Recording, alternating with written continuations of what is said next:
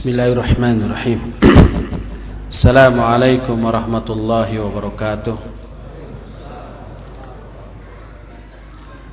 إن الحمد لله نحمده ونستعينه ونستغفره ونعوذ بالله من شرور أنفسنا وسيئات أعمالنا. من يهده الله فلا مضل له ومن يضلل فلا هادي له. وأشهد أن لا إله إلا الله وحده لا شريك له وأشهد أن محمدا عبده ورسوله. يا أيها الذين آمنوا اتقوا الله حق تقاته ولا تموتن إلا وأنتم مسلمون. وبعد فإن أصدق الحديث كتاب الله وخير الهدي هدي محمد صلى الله عليه وآله وسلم. وشر الأمور محدثاتها وكل محدثة بدعة وكل بدعة ضلالة وكل ضلالة في النار Ikhwati fillah azakumullah Alhamdulillah di malam hari ini kita bisa berkumpul di tempat yang mulia ini di Masjid Jihadul Akbar di kota Batam. Kota atau pulau? Pulau Batam. Dalam rangka melaksanakan salah satu dari sekian banyak kewajiban kita yaitu tolabul ilm atau menuntut ilmu. Apa yang kita lakukan ini sekarang merupakan satu amalan yang tidak begitu berat akan tetapi di dalamnya terkandung berbagai macam kebaikan, keutamaan dan berbagai macam keistimewaan yang luar biasa, tak ternilai harganya. Hanya dengan melangkah dari rumah ke sini mengeluarkan mungkin seribu atau dua ribu rupiah atau nggak sampai lebih dari lima ribu lah untuk ongkos ke sini. Meluangkan waktu satu sampai dua jam. Menahan kantuk. Memerangi memerangi rasa malas. Hanya sekedar itu. Tapi dari langkah yang sekedarnya tersebut kita insya Allah akan memperoleh berbagai macam kebaikan, keutamaan dan keuntungan yang amat sangat banyak tidak hanya dunia bahkan sampai ke akhirat kelak. Kenapa demikian? Karena banyak sekali ayat dan hadis-hadis Nabi sallallahu alaihi wasallam yang menjelaskan banyaknya keutamaan yang akan Allah berikan kepada orang-orang yang keluar dari rumah sekedar untuk mencari ilmu. Ada puluhan keutamaan. Salah satu aja di antaranya, sebuah ayat yang pendek yang terdapat dalam surah Al-Jadilah ayat yang ke-11. Allah Subhanahu wa taala menyatakan, "Yarfa'illahu alladhina amanu minkum walladhina utul ilma darajat." Allah akan mengangkat orang-orang yang beriman di antara kalian dan berilmu beberapa derajat. Ketika menjelaskan ayat ini, Al-Imam Ibn Hajar Al-Asqalani rahimahullah dalam kitab Fathul Bari. Kita tahu kitab Fathul Bari adalah kitab syarah Sahih Bukhari. Dan dalam kitab Sahih Bukhari adalah sebuah kitab yang diberi judul dengan Kitabul Ilm dan di dalam kitabul ilmi ini ada sebuah bab yang diberi judul Fadlul Ilmi atau keutamaan ilmu dan ayat ini dikutip oleh Imam Al-Bukhari dalam bab tersebut. Kata Imam Ibn Hajar bahwa yang dimaksud dengan ayat ini adalah Al-mu'minul alim a'la darajat minal mu'mini ghairil alim Fa inna raf'atad darajat likathrati sawab.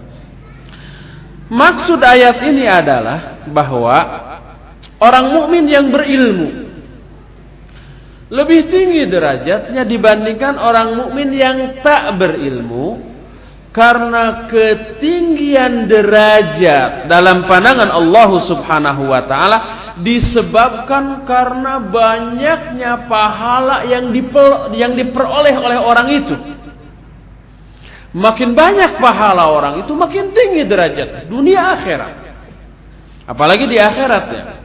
Kita tahu bahwa satu-satunya barang berharga bagi manusia di akhirat bukan harta, bukan jabatan, bukan popularitas, bukan kegantengan, ketampanan, kecantikan, bukan prestasi duniawi, tapi satu-satunya yang berharga di akhirat hanyalah pahala. Makin banyak pahala, makin tinggi derajat. Makin sedikit pahala, makin rendah derajat. Bahkan apabila tidak punya pahala, udah terpuruk hina dia. Makanya dalam salah satu hadis Nabi SAW pernah bertanya kepada para sahabat, Atadruna manil muflis? Tahu nggak kalian siapa orang yang bangkrut itu? Para sahabat menjawab, Orang yang bangkrut itu alladzi la mala lahu wa la mata'. Orang yang enggak punya harta, enggak punya kekayaan, itu yang bangkrut. Kata Nabi sallallahu alaihi wasallam bukan itu. Al muflisu min ummati. Orang yang bangkrut di kalangan umatku adalah man ata bi salatihi wa siyamihi wa zakatihi Orang yang datang dengan membawa pahala solatnya, pahala saumnya, pahala zakat, pahala infak sedekah, pahala semua kebaikan.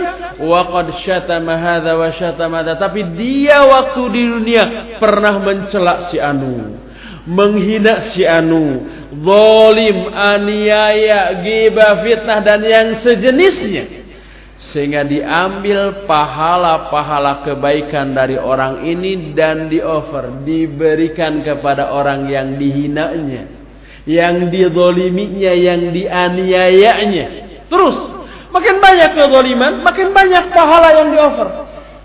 Dan apabila pahalanya sudah habis, sementara kezolimannya masih banyak, maka dosa dari orang-orang yang didolimi di-offer kepada orang-orang yang dolim. Pahala habis, dosa aja numpuk.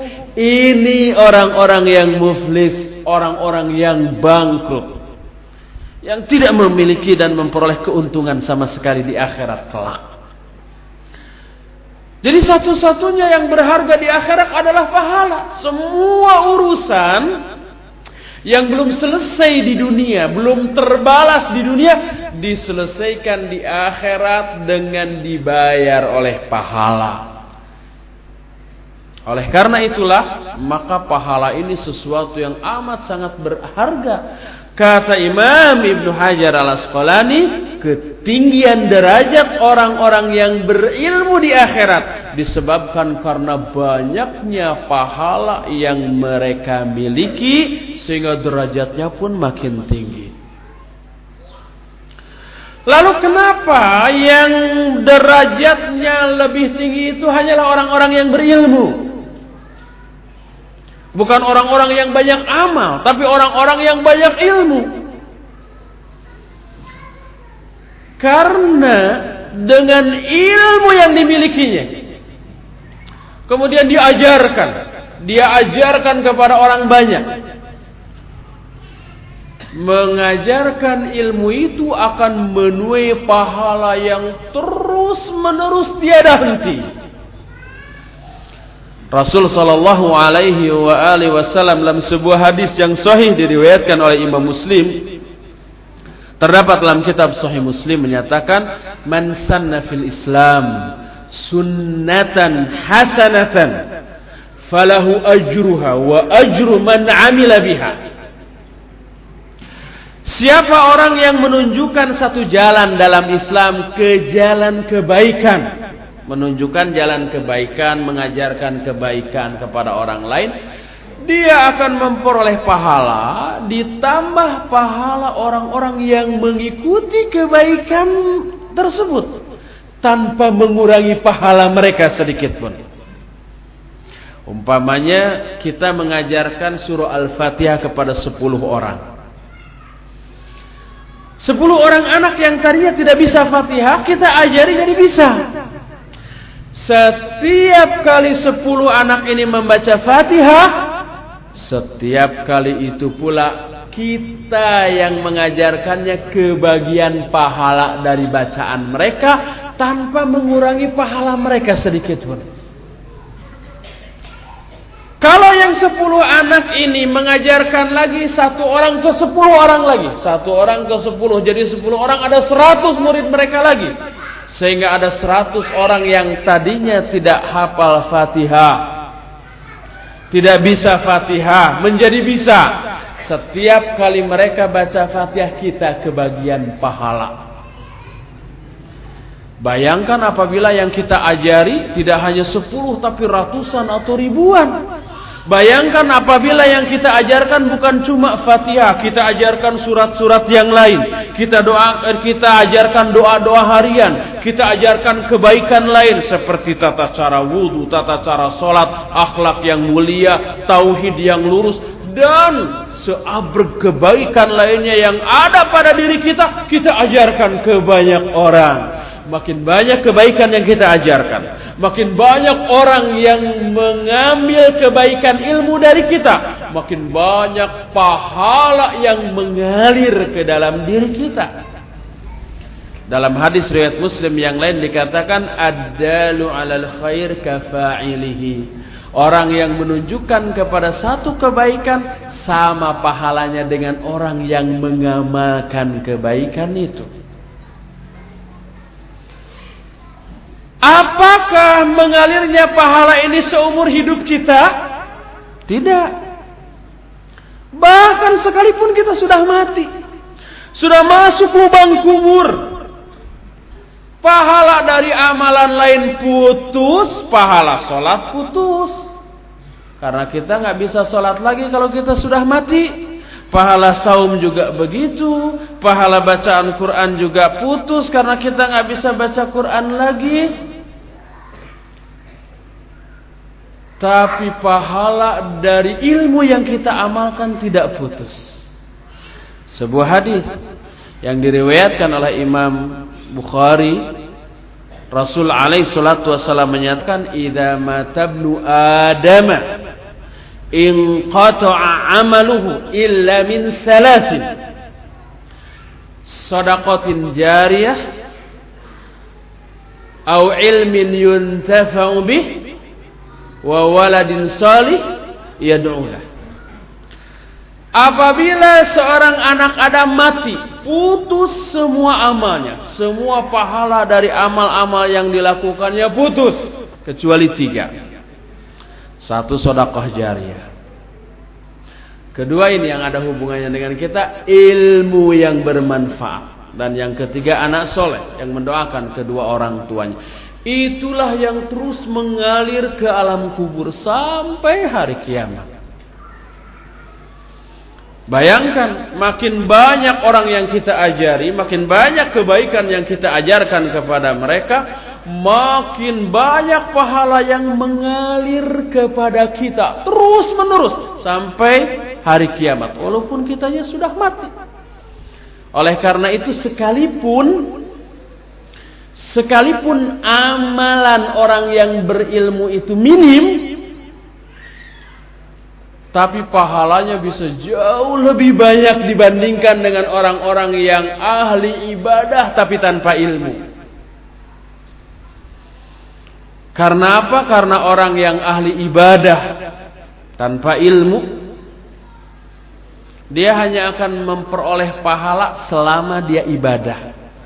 Umpamanya ahli ibadah, dia sholat khusyuk dan lama panjang. Tapi begitu selesai salam, assalamualaikum kanan, assalamualaikum kiri, selesai sholat putus pahalanya, nggak dapat pahala lagi. Tapi orang yang berilmu, dia mengajarkan ilmu.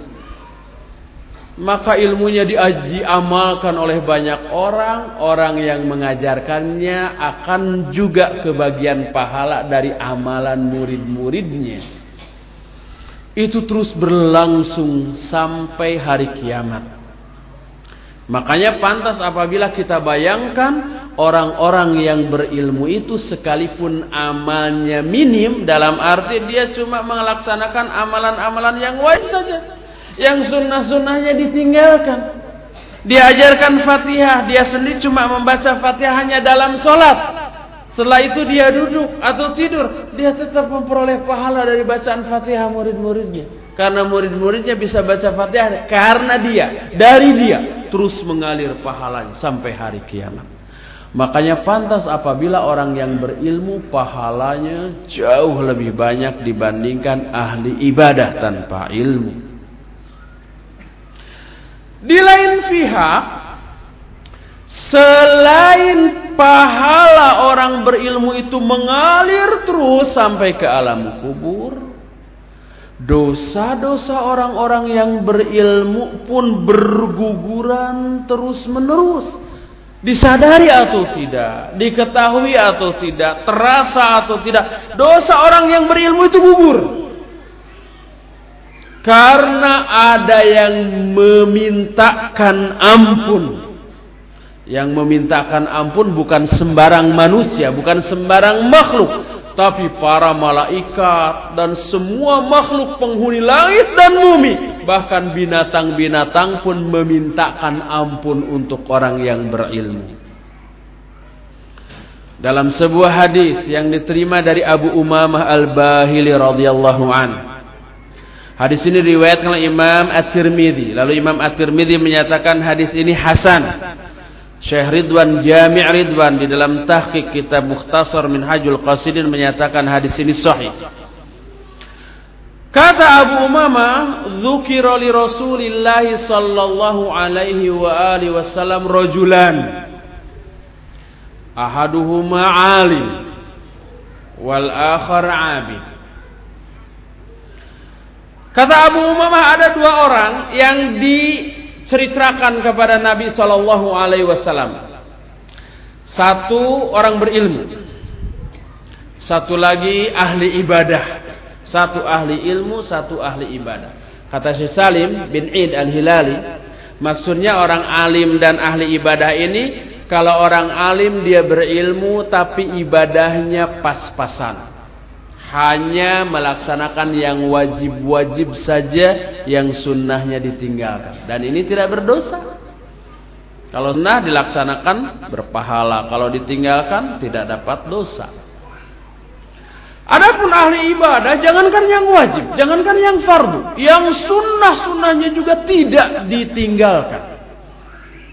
Tapi ilmunya minim yang ahli ibadah ini Ahli ilmu ilmunya tinggi, mendalam, banyak tapi ibadahnya pas-pasan. Ahli ibadah ibadahnya rajin, jangankan yang wajib yang sunnah pun dilaksanakan tapi ilmunya minim. Mana sih antara kedua orang ini yang lebih utama?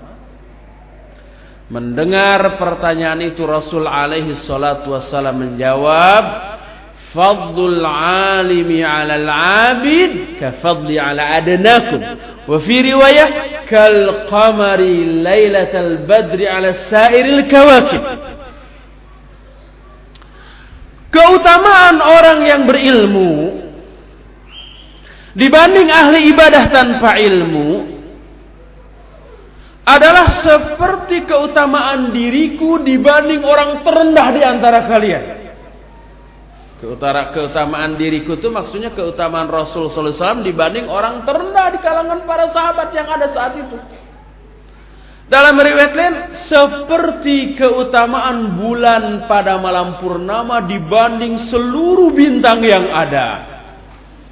Bintang walaupun berjumlah ribuan atau konon jutaan, katanya.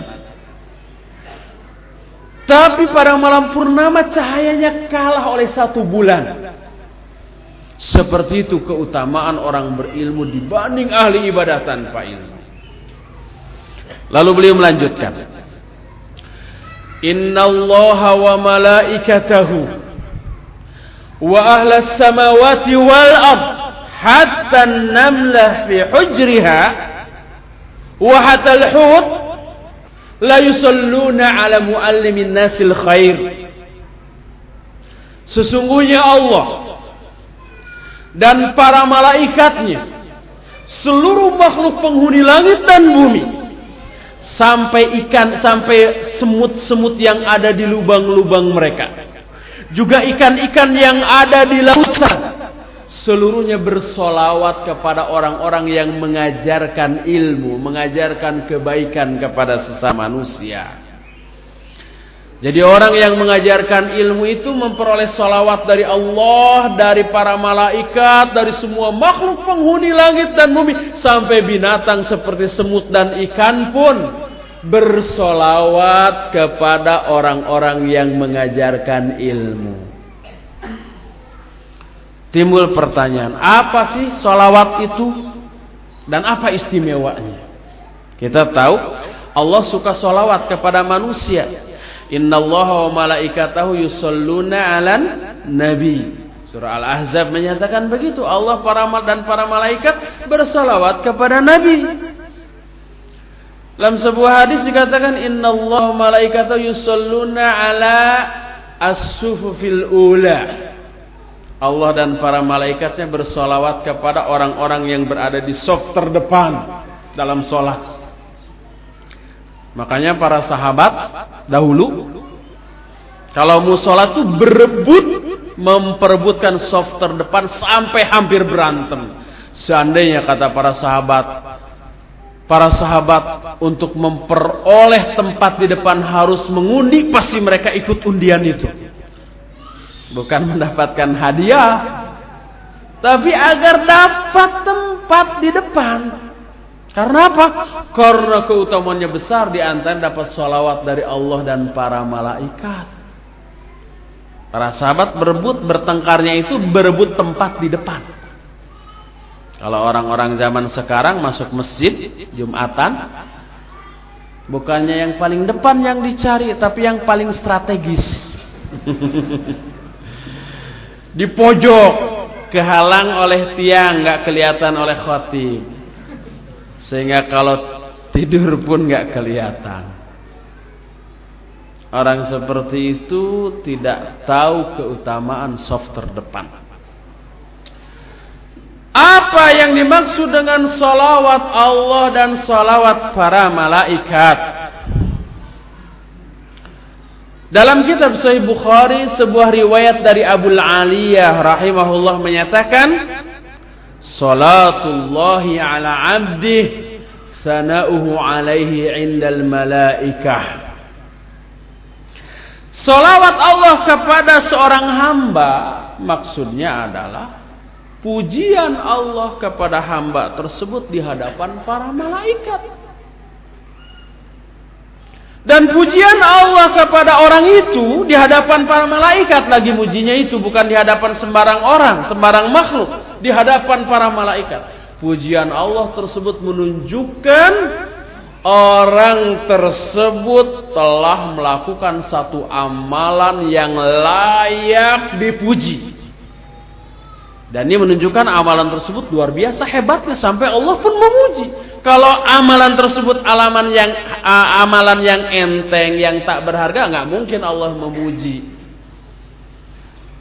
Mengajarkan ilmu dipuji oleh Allah Subhanahu wa taala di hadapan para malaikat. Sedangkan salawat para malaikat dan makhluk lain adalah istighfar mereka dan doa mereka agar orang-orang yang memperoleh salawat itu memperoleh rahmat dari Allah. Para malaikat, binatang-binatang selalu berdoa, Allahumma gfir lahu, Allahumma arhamhu, Allahumma gfir lahu, Allahumma arhamhu. Begitu terus. Ya Allah ampuni dia. Ya Allah rahmati dia. Itu salawat malaikat dan makhluk lain kepada orang itu. Kalau kita sendiri beristighfar, belum tentu istighfar kita ini menghapus dosa, belum tentu. Mungkin kurang penghayatan, kurang khusyuk, kurang ikhlas, Istighfar, istighfar tapi pikiran ke mana aja gitu ya. Belum tentu istighfar itu menggurkan dosa kita. Bahkan kebanyakan terutama ibu-ibu nih. Di sana di Bandung. Gak tahu di Batam. Istighfar itu bukan menggugurkan dosa, malah nambah dosa. Karena istighfar itu umumnya dija, umumnya dijadikan mukaddimah untuk memarahi orang lain. Seorang anak sudah setengah enam hampir maghrib masih main-main tanah. Oleh ibunya disuruh mandi. Asep mandi. Asep itu sebutan di Bandung namanya. Karena kasep.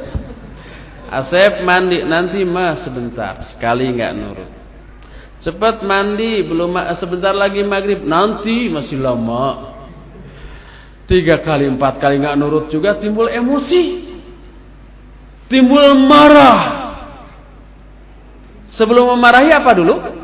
Istighfar dulu. Astagfirullah itu si Asep. Persis bapaknya. Oh, bapaknya ke bawah-bawah lagi. Astagfirullah gitu ya. Atau suami e, ibu ke suami juga begitu.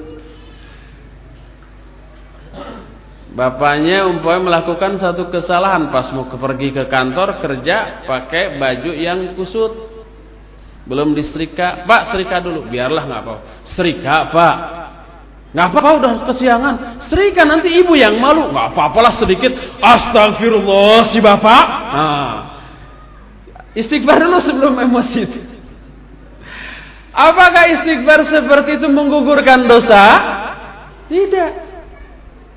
Sampai si anak kalau sudah mendengar ibunya astagfirullah pobi. Nah, nah si mama. Kalau sudah astagfirullah benci saya. Karena pasti marah selanjutnya. Pobilah dia kepada istighfar. Maka Imam Ibn Qayyim Al-Jauziyah dalam Miftahud Dari Sa'adah menyatakan istighfaruna yahtaju ilal istighfar istighfar kita itu perlu diistighfari lagi. Istighfar kita bukan menghapuskan dosa, tapi menambah dosa. Tapi kalau yang memintakan ampun bagi kita itu malaikat, yang kata Al-Quran, La ya'sunallaha ma amarahum wa yaf'aluna ma yu'marun. Malaikat itu tak pernah maksiat kepada perintah Allah selalu melaksanakan apa saya yang diperintahkan oleh Allah. Dan kata Syekh Sa'id bin Al-Hilal Salim bin Id Al-Hilal dalam kitab Bahjatun Nadirin Syarah Riyadhus Salihin ketika menjelaskan hadis-hadis yang menerangkan para malaikat berdoa atau binatang berdoa dan seterusnya menunjukkan bahwa doa mereka itu pasti dikabulkan oleh Allah. Istighfar mereka diterima oleh Allah. Doa mereka dikabulkan oleh Allah. Kenapa? Karena apabila Nabi SAW menjelaskan malaikat berdoa atau istighfar untuk manusia, lalu ternyata doa dan istighfarnya ditolak oleh Allah tidak dikabulkan, percuma dijelaskan ngapain diterangkan bahwa para malaikat istighfar dan berdoa kalau doanya sia-sia. Berarti ucapan Nabi itu sia-sia juga dan kesia-siaan mustahil bagi Nabi Shallallahu Alaihi Wasallam. Oleh karena itu pasti doa malaikat dan doa binatang-binatang itu dikabulkan diterima oleh Allah. Oleh karena itulah karena orang berilmu dan mengamalkan ilmunya itu selalu ada yang memintakan ampun para malaikat penghuni langit dan bumi, binatang-binatang juga memberikan doa dan mengistighfarkan bagi orang-orang yang mengamalkan dan mengajarkan ilmu. Maka sadar tidak sadar, terasa tidak terasa, dosa orang-orang yang mengajarkan ilmu itu berguguran terus menerus selama dia mengajarkan ilmu tersebut selama itu pula dia memperoleh istighfar dari para malaikat dan makhluk-makhluk yang lainnya. Jadi di satu sisi tadi orang yang ilmu itu pahalanya ngalir terus dari ilmu yang diajarkannya di sisi lain dosanya berkurang terus Karena ada yang memintakan ampun para malaikat dan binatang-binatang. Sehingga makin lama pahalanya makin bertumpuk dan dosanya terus menerus berkurang. Kenalah dia dengan sebuah ayat fa amma man thaqulat mawazinu fahuwa fi 'isyatir radiyah. Barang siapa orang yang berat timbangan amal kebaikannya, pahalanya lebih banyak daripada dosanya, maka dia akan berada dalam kehidupan yang diridhoi. Itulah keuntungan orang-orang yang berilmu. Oleh karena itulah maka tidak heran apabila Imam Syafi'i rahimahullah juga Imam Ahmad menyatakan bahwa tafakur sesaat tentang ilmu lebih baik, lebih utama, lebih dicintai daripada solat seribu rakaat. Ada sebuah kisah yang diceritakan oleh Imam Az-Zahabi rahimahullah dalam kitab Syiaru A'lamin Nubala. Kisah ini juga diceritakan oleh Syekh Muhammad Shalih Al-Utsaimin rahimahullah Kitabul Ilmi. Imam Syafi'i berkunjung kepada Imam Ahmad. Imam Syafi'i kan gurunya ya. Imam Ahmad murid. Berku, mau berkunjung. Gegerlah Imam Ahmad dan murid-muridnya. Mau kedatangan seorang ulama besar. Selain ilmunya tinggi, ibadahnya juga hebat, akhlaknya juga mulia. Imam Ahmad sering memuji-muji Imam Syafi'i di hadapan murid-muridnya. Murid-murid Imam Ahmad penasaran sehebat apa sih Imam Syafi'i yang sering dipuji oleh Imam Ahmad. Pas terdengar kabar Imam Syafi'i mau datang, wah geger mereka ingin dilihat gimana sih ibadahnya, gimana akhlaknya, gimana cara makan, cara minum, cara tidur dan seterusnya ingin dilihat. Ketika Imam Syafi'i datang, disambut dengan sambutan yang mulia sesuai dengan sunnah. Man kana yu'minu billahi wal yawmil akhir falyukrim dhaifah. Siapa yang orang beriman kepada Allah dan hari akhir hendaklah memuliakan tamu. Disambut. Disodorkanlah makanan-makanan yang baik, bergizi dan enak.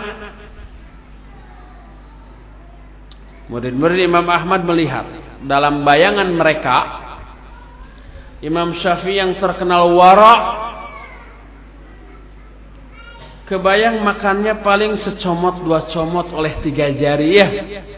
Secomot dua jari. Itulah bayangan kita tentang orang yang zuhud, yang soleh, yang warokan gitu ya. Apa yang terjadi? Yang terjadi begitu makanan itu disodorkan, dilahap oleh Imam Syafi'i sampai habis. Kaget murid-murid Imam Ahmad. Ternyata Imam Syafi'i gembul. apa gembul bahasa Sunda itu teh bahasa Bandung gembul tuh gede makannya satu catatan malamnya diintip Imam Syafi'i dikenal ahli ibadah kebayang sepanjang malam ibadah sholat terus nggak tidur tidur diintip memang Imam Syafi'i tidak tidur malam itu tapi juga tidak sholat Ngelamun aja kayak ada yang di pikiran. Sampai subuh. Gak sholat. Gak sholat malam. Gak sholat tahajud. Hebatnya lagi pas adan subuh dia pergi ke masjid tanpa wudhu langsung sholat subuh. Tiga catatan dalam pandangan murid Imam Ahmad tentang Imam Syafi'i yang membuat mereka kecewa. Katanya Imam Syafi'i wara, Kok makannya gembul? Katanya Imam Syafi'i ahli ibadah, kok nggak salat tahajud? Katanya Imam Syafi'i itu gini gini gini, tapi kok salat subuh aja tidak pakai wudhu? Proteslah murid Imam Ahmad kepada Imam Ahmad. Ya Aba Abdullah, kaifa tusni ala hadar ala misli hadar rajul alladhi akala wa shariba wa afragha kulla ma fil ina' walam yaqumil lail wa yusallil fajr bidunil wudu Hei Abu Abdullah, Abu Abdullah panggilan Imam Ahmad. Bagaimana engkau muji orang seperti ini kerjanya makan, minum, menghabiskan semua makanan yang ada, tidak sholat malam dan sholat subuh tanpa wudhu. Yang begini yang dipuji. Kata Imam Ahmad, tanya. Penasaran? Ditanya. Tiga masalah yang tadi dijadikan catatan. Kata Imam Syafi'i, amma kauni afragtu kulla ma fil ina li'annani ma wajadtu ta'aman ahalla wa atyaba min ta'amil imami Ahmad wa uridu an amla batni bihadha ta'am yang pertama. Adapun saya makan, minum, menghabiskan semua hidangan yang ada karena saya tidak pernah menemukan makanan yang lebih halal dan lebih baik, lebih barokah dibanding makanan Imam Ahmad. Imam Ahmad terkenal warok, takwa, yang terkenal. Tak ada seorang pun yang meragukannya. Makanannya pasti halal dan penuh barokah. Dimakan jadi tulang jadi daging yang penuh barokah bisa memberikan dorongan semangat ibadah dan saya ingin memenuhi perut saya dengan jenis makanan seperti itu jadi ternyata Imam Syafi'i gembul itu hanya kepada makanan Imam Ahmad ke makanan-makanan yang lain belum tentu Saya tidak bertanggung jawab kepada ustadz-ustadz yang ada di sini. Bisa-bisa tiap hari ikhwan-ikhwan datang ke rumah ustadz. Ustadz, makanan ustadz itu halal. Baik, penuh barokah. Saya ingin memenuhi perut saya dengan makanan ustadz. tiap hari datang minta makan dia. Ini yang pertama. Kedua, amma kauni lam aqumil lail li'annani tafakkartu fil hadis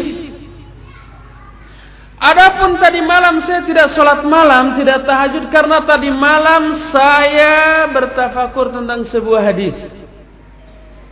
Hadisnya pendek, sahih diriwayatkan oleh Imam Muslim tentang seorang sahabat namanya Abu Umair. Abu Umair ini masih anak kecil. Dia tinggal di rumah Anas bin Malik radhiyallahu an. Abu Umar ini punya piaraan burung namanya Nughair. Ke mana Abu Umair ada, Nughair selalu dibawa. Suatu saat Nabi SAW datang ke rumah Anas, ada Abu Umair, nggak ada burungnya. Ya Aba Umair ma fa'ala Nughair. Hei Abu Umair, apa yang sedang dilakukan oleh Nughair, burungnya, burung uh, Abu Umair tadi? Mana burungmu? Nggak ada burung beneran. Diceritakan mati. Sudah hadis itu sampai di sana. Saya bertafakur tentang satu hadis ini. Apa faidah atau pelajaran yang bisa diambil dari hadis pendek ini? Kalau ini nggak ada pelajaran, nggak ada ilmu yang bisa diambil, nggak mungkin Nabi mengucapkan, nggak mungkin para sahabat meriwayatkan. Sebab salah satu Kandungan hadis itu harus yufidul ilm, harus memberi faedah ilmu.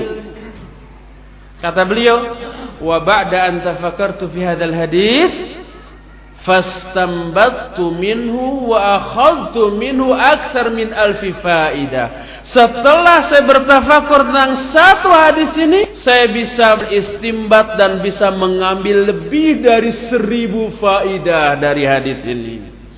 Satu hadis pendek, Faidah yang diambilnya lebih dari seribu pelajaran yang bisa diambilnya oleh Imam Syafi'i.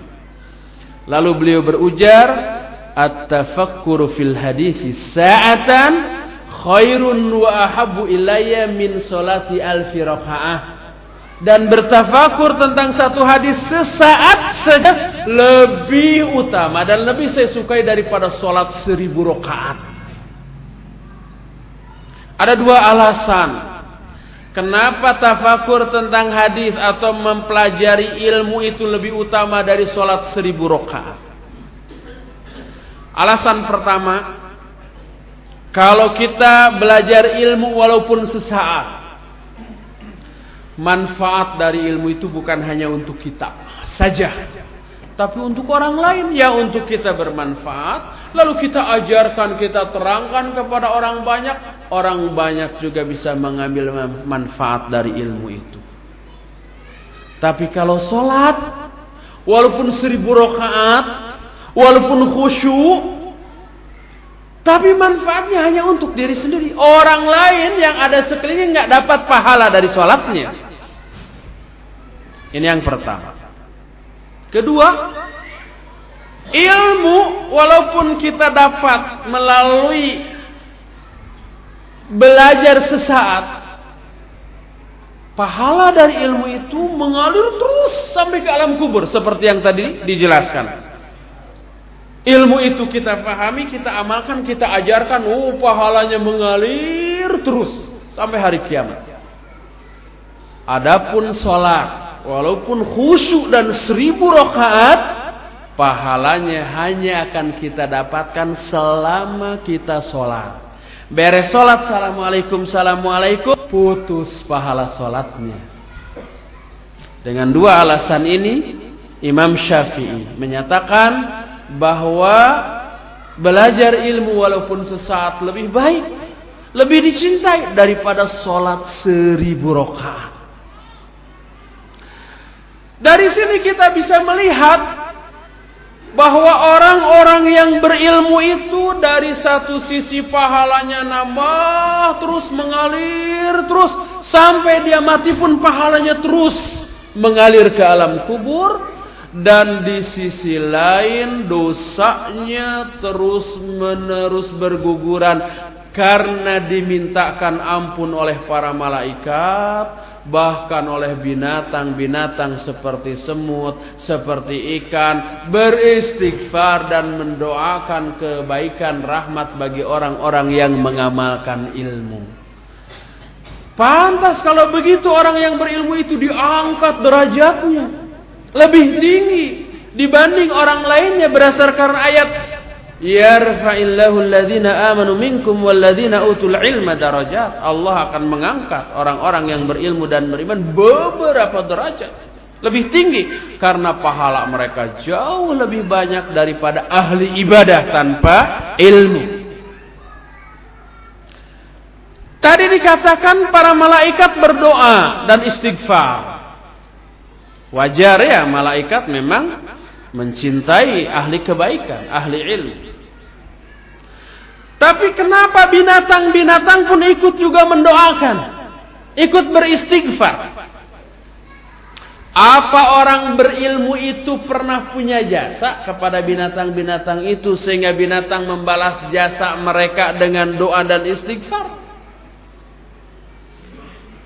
Pertanyaan ini dijawab oleh Imam Ibn Qudamah Al-Maqdisi rahimahullah kita Mukhtasar Minhajul Qasidin. Beliau katakan, anna naf'al ilmi ya'ummu kulla syai' hatta al-hayawanat bahwa manfaat ilmunya para ulama itu mencakup segala sesuatu oleh semua pihak. Bahkan binatang-binatang pun ikut merasakan manfaat ilmu dari para ulama. Sebagai contoh Rasul Shallallahu Alaihi Wasallam mengajarkan beberapa adab yang amat sangat menguntungkan binatang. Tidak boleh mendolimi binatang penembak burung. Sekedar hobi tidak untuk dimakan. Jeger mati hebat ya kena. Udah dibiarkan. Nuntut itu nanti. Sehingga ketika menafsirkan membahas apakah yang dibangkitkan di akhirat itu hanya manusia dan jin kalau binatang gimana? Binatang pun dibangkitkan lagi. Berdasarkan banyak ayat dan banyak hadis. Baik binatang buas, binatang ternak dibangkitkan. Dalam satu ayat dalam surah At-Takwir dikatakan wa idzal wuhusyu husyirat dan ketika binatang-binatang dikumpulkan. Untuk apa binatang dibangkitkan? Untuk menyelesaikan semua kedoliman yang pernah terjadi di antara mereka atau kedoliman yang dilakukan oleh manusia kepada binatang yang belum terbalas di dunia. Sehingga Ibnu Abbas menyatakan akan diselesaikan juga nanti kambing yang bertanduk dengan yang tidak bertanduk. Yang bertanduk terus nanduk yang tidak bertanduk. Nggak, bisa balas ini sampai mati. Nanti ada balasan di sana. Manusia ada yang menganiaya binatang di sini kan sekedar hobi gitu. Ada ayam di sana, walaupun ayam milik sendiri dipakai latihan nembak. Ambil senapan angin. Kakinya ya, cek kena pincang. Hebat ya, ketawa-ketawa. Zalim itu. Ada itu balasan. Cuma setelah para binatang selesai menyelesaikan urusannya, mereka kembali dikembalikan oleh Allah jadi tanah. Nggak ke surga, nggak ke neraka. Nanti sebab kisos itu dilakukan sebelum manusia masuk ke dalam surga atau ke dalam neraka. Orang-orang yang dolim di dunia dan belum terbalas nanti di sana di akhirat akan. Nah, kalau binatang dikembalikan jadi tanah, melihat begitu orang-orang kafir berangan-angan, andai dia pun jadi tanah seperti binatang tadi. Ini dalam Al-Quran dikatakan, yaqulul kafiru ya laitani kuntu turaba. Dan berkatalah orang-orang kafir, aduh celaka aku, seandainya aku pun menjadi tanah seperti binatang-binatang itu. Jadi binatang-binatang juga akan dibangkitkan. Nah, apa yang diajarkan oleh Rasulullah tentang adab menyangkut adab kepada binatang. Rasul Shallallahu Alaihi Wasallam melarang kita kencing di tempat-tempat tertentu, di tempat yang biasa dipakai berteduh, di air yang tergenang, termasuk dilarang kencing di lubang-lubang binatang ya. Coba santri yang masih kecil atau yang suka ngaji di masjid diajari itu. Terus dia lagi main-main di kebun, ingin kencing jauh ke WC ah. Di sana aja. Pas mau kencing ada lubang jangkrik, eh nggak boleh kata ustad juga dia belokkan ke tempat lain yang ada lubang apa pun. Itu yang ngaji yang tahu ilmu. Selamatlah si jangkrik itu. Selamat semut dan binatang yang ada di lubang di sana. Tapi anak-anak yang tidak ngaji lagi main-main di kebun nggak ingin kencing nggak apa, tiba-tiba ada lubang. Tahu itu lubang jangkrik. Apa yang terjadi? Dikorek-korek supaya keluar. Nggak keluar juga. Ah, jurus pamungkas keluar. Dikencingi itu lubang sampai mabuk jangkriknya dan keluar. Nggak tahu ilmunya dia. Ketika Nabi Sulaiman alaihissalam sedang mengadakan inspeksi dengan bala tentaranya, di depan pasukan Sulaiman ada lubang semut. Raja semut itu berteriak-teriak, "Ya ayat Tuhan namlah. Hai rakyat semut, masuk kalian cepat ke lubang. Kalau enggak, kalian diinjak-injak oleh tentara Sulaiman uh, oleh Sulaiman dan bala tentara tanpa mereka sadari." Teriakan Raja Semut ini terdengar oleh Sulaiman alaihissalam yang memiliki mukjizat memahami bahasa binatang. Langsung beliau membelokkan arah pasukannya, selamatlah mereka. Jadi kita bisa melihat ilmu para ulama terasa manfaatnya walaupun oleh binatang. Dan banyak contoh-contoh lain. Fa'alhamallahu al-hayawanat lil istighfar lahum jazaan li husni sani'ihim maka Allah mengilhamkan kepada para binatang tersebut untuk beristighfar bagi mereka bagi orang yang berilmu sebagai balasan atas kebaikan mereka kepada binatang tersebut. Pantas kalau begitu binatang pun beristighfar. Binatang pun berdoa untuk orang-orang yang mengamalkan ilmu karena manfaat ilmu para ulama terasa oleh siapa pun, oleh pihak mana pun, sampai oleh binatang-binatang pun terasa manfaatnya. Dari sini kita bisa melihat bahwa ilmu itu bisa meninggikan derajat seseorang disebabkan karena ilmu itu bisa menyebabkan seseorang pahalanya bertambah terus dan dosanya berkurang terus. Seperti penjelasan yang diterangkan tadi berdasarkan beberapa ayat, hadis dan penjelasan para ulama. Ini pun sudah lebih dari cukup untuk menjelaskan keutamaan ilmu. Kita semua orang muslim atau kafir, yang soleh atau yang poleh, yang taat atau yang maksiat, seluruhnya memiliki cita-cita, seluruhnya ingin meraih ketinggian derajat dalam hidup ini. Tapi banyak orang yang salah kaprah. Disangkanya ketinggian derajat dalam hidup ini bisa diperoleh dengan menumpuk-numpuk harta. Bisa diperoleh dengan memtinggi jabatan. Bisa diperoleh dengan memperluas popularitas. Semuanya ini salah. Ketinggian derajat dalam kehidupan kita dunia akhirat hanya dan hanya bisa kita raih dengan ilmu yang diamalkan kemudian diajarkan didakwahkan kepada sebanyak mungkin orang. Dengan itulah kita akan memperoleh ketinggian derajat sebagaimana firman Allah dalam surah Al-Mujadilah ayat yang ke-11 tadi, yarfa'illahu alladhina amanu minkum walladhina utul ilma darajat. Itu keutamaan ilmu secara umum sepanjang hayat dunia akhirat. Oleh karena itulah maka secara spesifik, secara khusus baik Allah ataupun Rasulnya Sallallahu Alaihi Wasallam dalam Al-Quran ataupun di dalam hadis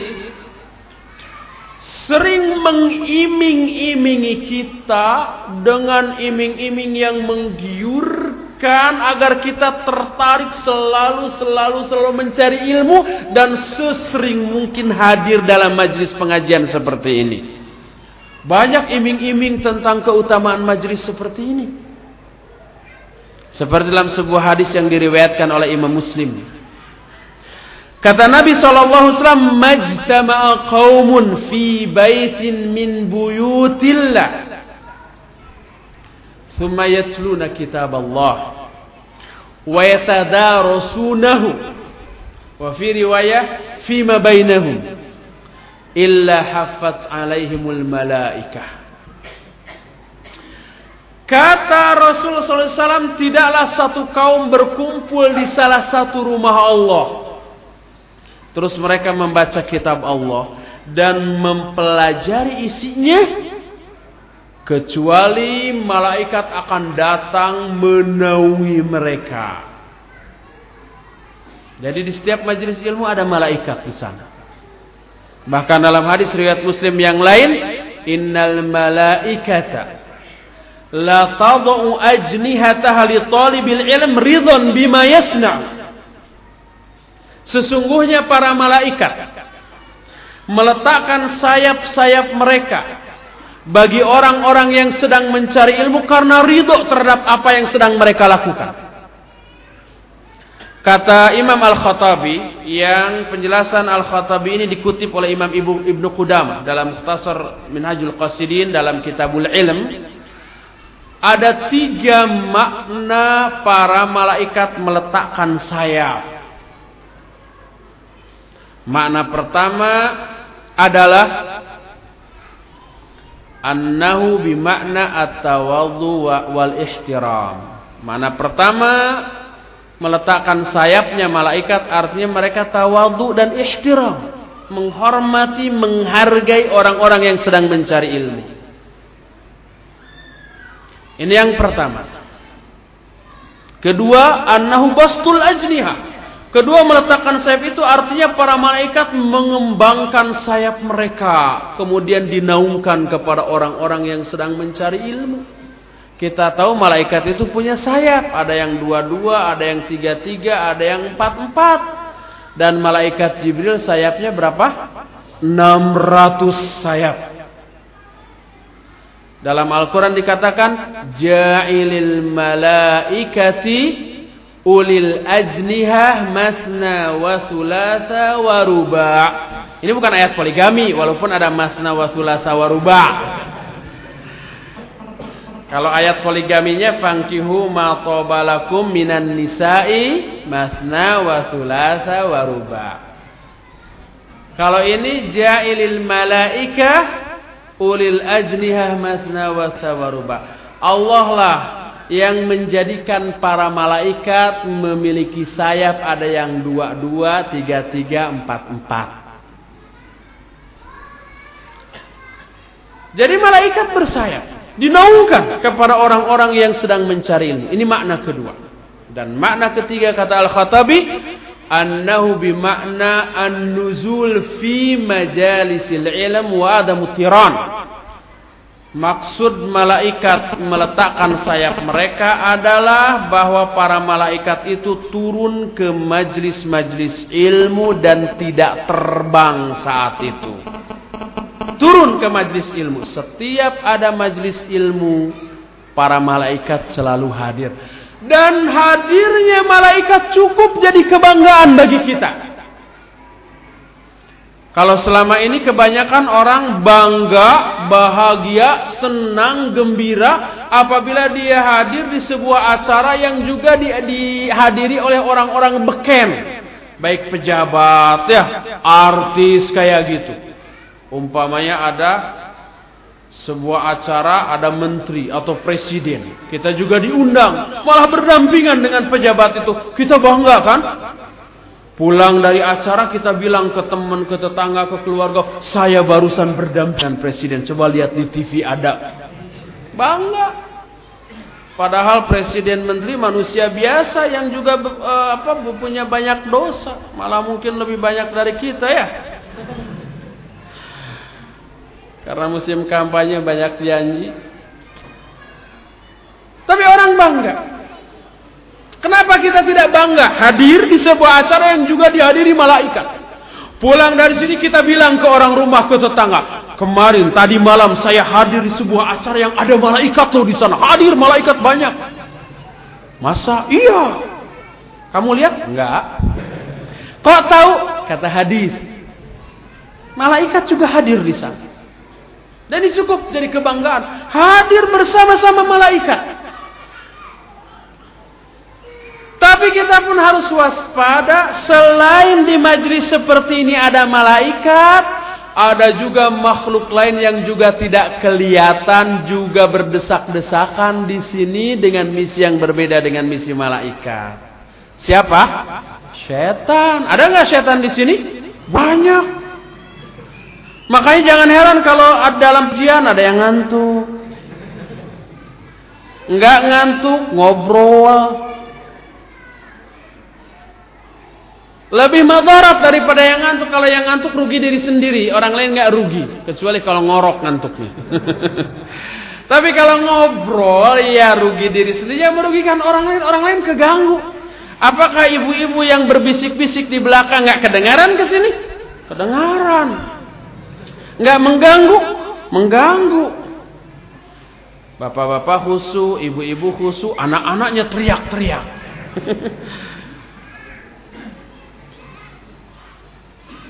Tidak ngantuk. Tidak ngobrol. Ngelamun lagi. Bawa catatan dari rumah buku pensil. Kelihatan khusuk menulis. Ketika dilihat ngegambar. Itu bukti adanya setan. Berusaha setan agar kehadiran kita di sini tidak maksimal. Bahkan jadi dosa, bukan jadi pahala. Sebelum hadir ke sini setan berusaha mengganggu kita agar kita nggak hadir ke sini. Di radio diumumkan ada pengajian di Masjid Jihadul Akbar. malam Sabtu jam 8 hadir. Setan berusaha untuk tidak untuk mengganggu kita agar kita tidak hadir. Setelah hadir pun kita berhasil selamat dari godaan setan. Di sini digoda agar tidak maksimal, agar tidak jadi pahala malah jadi dosa. Setelah di sini berhasil, khusyuk, tidak ngobrol, tidak ngantuk, tidak ngelamun, khusyuk mendengarkan. Apa dia selamat? Belum tentu.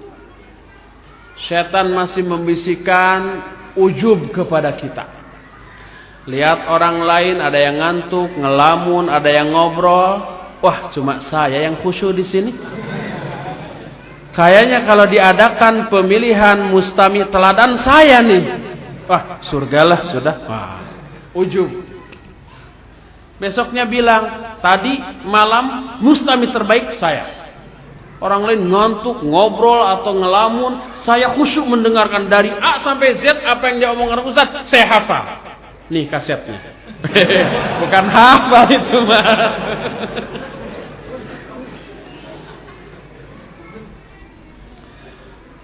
Jadi kehadiran para malaikat patut membuat kita bangga. Tapi kehadiran setan wajib kita waspadai. Jangan sampai kita terjebak ke dalam godaannya.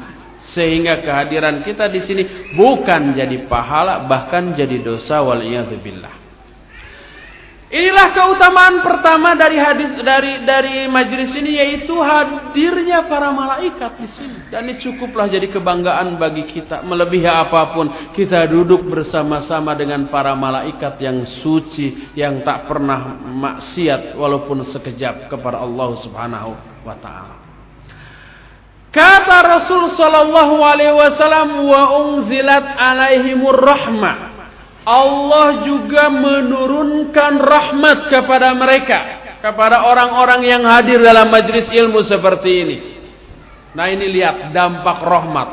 Apa yang dijelaskan oleh Imam Asy-Syatibi rahimahullah dalam kitab Al-I'tisam luar biasa ternyata pengajian seperti ini memberikan dampak yang luar biasa hebatnya kepada kehidupan bermasyarakat kita. Ngaji begini bukan hanya untuk akhirat saja, tapi juga untuk dunia. Dampaknya besar. Karena apa?